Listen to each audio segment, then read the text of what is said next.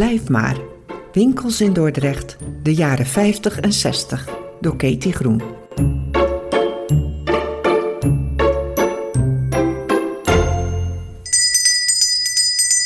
Een cadeautje, maar niet uit een grote winkel. Ze heeft er haar 40-jarig dienstverband net niet kunnen vieren.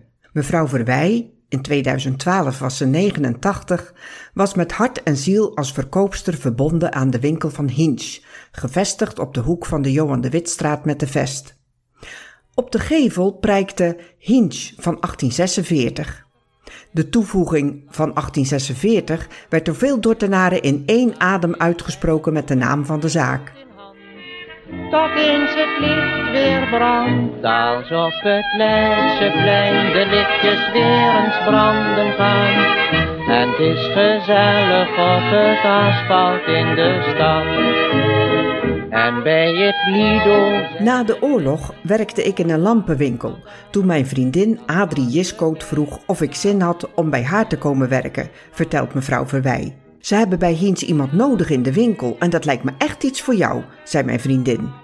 Zij werkte bij Hiens op de administratie. Ik ben er ook gaan werken en er niet meer weggegaan. Later hebben mensen wel eens tegen me gezegd dat er voor mij misschien wel wat meer was weggelegd dan altijd maar in die winkel staan.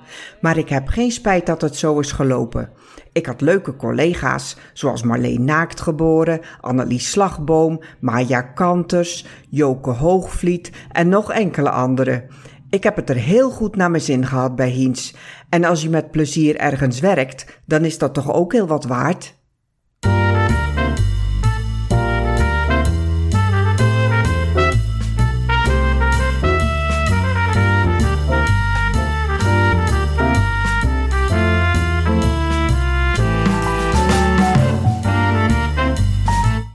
Werd gerund door de heer Vrijling, die getrouwd was met een dochter van Hinch. De winkel was eerst gevestigd op de Voorstraat in het vroegere pand van Gerson. Later vond de verhuizing plaats naar de kleinere winkel aan de Johan de Witstraat.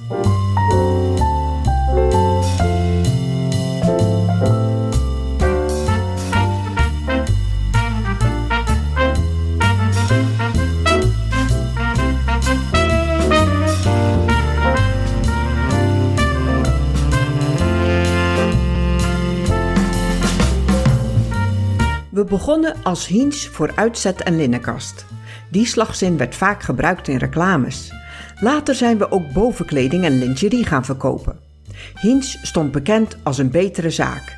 We verkochten kwaliteitskleding van eerste klas merken en hadden een grote groep vaste klanten. Veel van die klanten waren echtgenotes van Dordtse notabelen.